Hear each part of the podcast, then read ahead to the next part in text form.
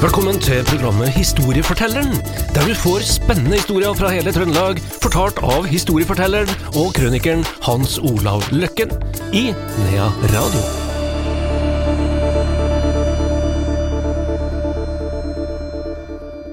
Da er vi klar med et nytt program i serien Historiefortelleren, og vår historieforteller og krøniker Hans Olav Løkken er på plass i studio sammen med meg. Velkommen hit, Hans Olav. Ja, takk du. Du, i dag skal du ta oss med til Meråker. I dag skal vi begynne med Råker, helt oppe ved Kopperå. Der er det da en eh, familie, og hovedpersonen i familien, Sivert Klevan, som for øvrig da eh, flytter sørover, men har veldig mye slekt da i Meråker og på Stjørdal i dag, da. Blant annet eh, den hovedgården på Stjørdal, Mæle gård, der bor jo da slekta hans, da. Men vi skal til Radio Luxembourg. Oh. Der vokste vi opp, vet du. Ja, det. Og noen står steike. Jeg husker den der Top 20. Ja. ja, det var jo natt til mandag, og vi var så trøtt, vet du, for jeg tror det sendtes i tre-halv fire-tida om natta. Og, og du vet, det var jo, det måtte jo sendes om natta, for det var jo, hadde jo med mellombølgene, har vel noe med sendesystemet å gjøre, tror jeg. Men vi hørte i hvert fall på Top 20, og var veldig opptatt av det, da. Og Da var det en av de her programlederne for Top 20, han eh, Dumotier het den da, hvis det uttales helt rett på fransk, da.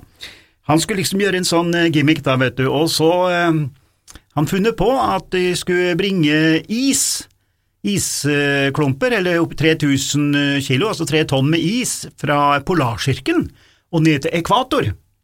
Og eh, hvis de klarte å bringe det uten at eh, det ble smelta vekk, at, uten at det ble noe vann, så skulle de betale da 100 000 franc for hvert kilo. For hvert kilo? Ja, det det, det ble jo mangfoldige millioner, ikke sant?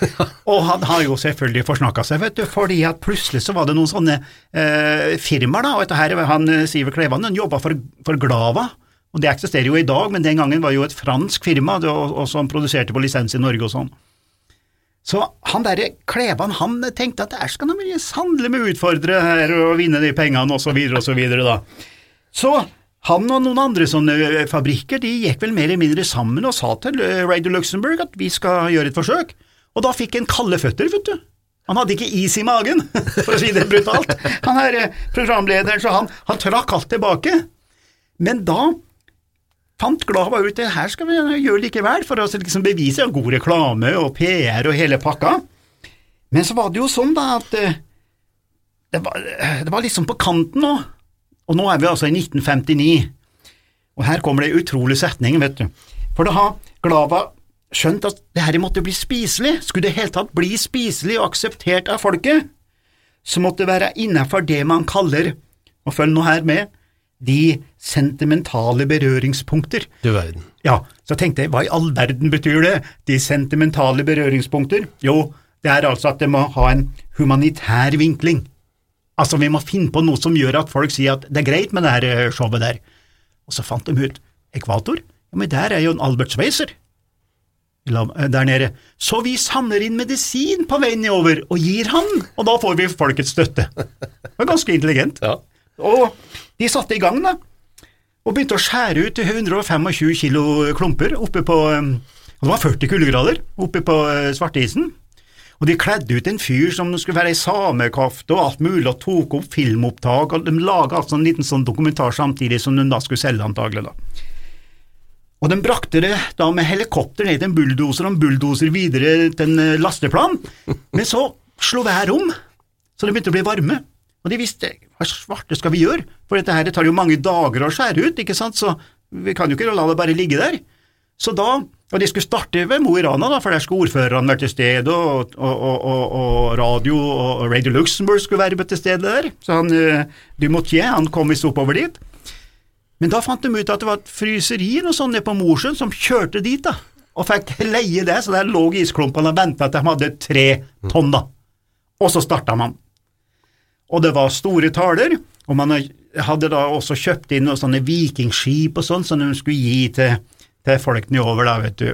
Og de har jo planlagt turen, og de var ikke så veldig engstelige for Europa, men faren der var jo Sahara, da. Og kanskje ikke det du tenker på. Eh, jo, selvfølgelig varmen, men faren var jo alle de geriljabevegelsene. Så de hadde jo fått det råd at når du kjører i Sahara, så må du aldri stanse. Det er omtrent sånn som på interstaten i Amerika, hvis du ser noen som ligger der og blør og ulykker, så skal du jo på en måte ikke stanse. Sånn da. Så det, det var en liten del utfordringer i det her. Og de kjørte nå sørover, gikk veldig bra, eh, og de hadde da laga ei sånn ramme med Glava rundt, og så var det ei sånn kran da, så de kunne tappe ut det smeltevannet hver dag for å se hvor mye som smelta av isen. Og det var nesten ingenting, vet du. Og så kom de ned til, til, fikk de bare problemer med de ulike landene, og dette her var jo på direktesending, hele verden fulgte dem i 59, det var en kjempesensasjon. Og, og eh, for, eh, Belgia måtte be om unnskyldning etter det her stuntet, fordi at de har hindra liksom den transporten, det var så byråkratisk for å komme seg gjennom Belgia at de måtte be om unnskyldning etterpå, for, for at de, eh, de, de var ikke samarbeidsvillige da. Så kom de til franskmenn, og da hadde eh, eskorte rundt triumfbuen. Og Det var liksom litt sånn symbolikk dette her med triumfbuen, da, vet du. Og, sånn, og så var det å komme seg til Marseille, og så over. Og så begynte det virkelig det som var tøft, altså Sahara. Og da hadde de det var bare noen få liter som har smelta, så de har klart seg veldig bra, men de hadde tross alt eh, var det 700 mil igjen eller noe sånt eh, der, gjennom Sahara og nedover til ekvator, for det er jo kolossalt nedover Afrika der. Og det gikk bra. Det, det, det, var vel noen indre stridigheter, de kjørte seg fast, og så videre og så videre, men han her Sivert Klevan, da, som var ingeniør og som sto bak det her, han var virkelig litt av en fyr, altså. Og eh, det er visstnok en prestasjon, altså. Og bare den lastebilen, og det firmaet der, jeg skal jo ikke nevne navn der, da, for han kan jo bli tatt for å drive reklame, men det var altså en, en påkjenning, ikke bare menneskelig, men også teknisk og for lastebil og varme og hele opplegget. Det var jo i en annen verden, bokstavelig talt.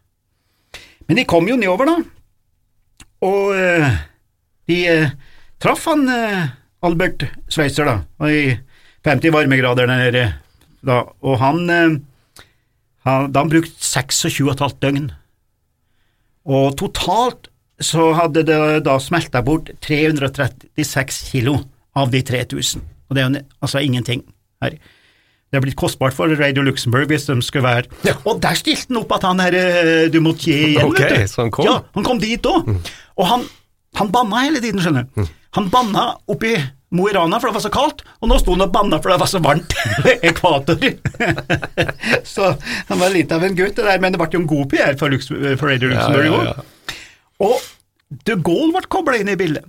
Så de Gaulle hadde gitt mer eller mindre ordre om at de skulle ta med litt av isen tilbake. da så han skulle ha is. Og han Klevan, han var litt smart, han skjønner, så han, han tok med litt is tilbake fra ekvator, som de skulle ha i drinkene på pressekonferanse og sånn i Oslo da etterpå. Så de hadde laget et virkelig opplegg, og, og, og, og, det er ikke noe spøk når jeg sier at verden fulgte med, altså. Det var så spennende om de ville kunne klare det, for det var ingen som trodde at de ville kunne klare å kjøre gjennom Sahara. For at ingen visste jo hva dette her Glava var for noe, ikke sant, og hvordan de skulle klare å isolere dette her, da. Og som en sier, han Klevan han er jo død nå, da, men jeg jo, har jo hilsa på ham flere ganger når han har vært på Stjørdal og sånn. Og det ble jo litt spesielt, da, når, når han Albert Schweitzer klatrer opp på bilen, og så legger han sine skrukkede, gamle hender oppe på isen. Og da ble det en helt annen dimensjon av det her uttrykket ærefrykt for livet som vi lærte på skolen når vi var små. Det er jo Albert Schweitzer og ærefrykt for livet, et fantastisk setning, som vi skulle nesten hatt som pensum i dag òg. Og så må vi også tenke på hvor langt foran sin tid hun var. I dag så er det jo rent vann er jo en av de største mangler i verden. Kanskje en av de største farer også, sånn politisk. Og her kommer de altså med en is som er over 1000 år gammel, til ekvator og gir til Albert Schweitzer. Det er ikke et dårlig stunt, det.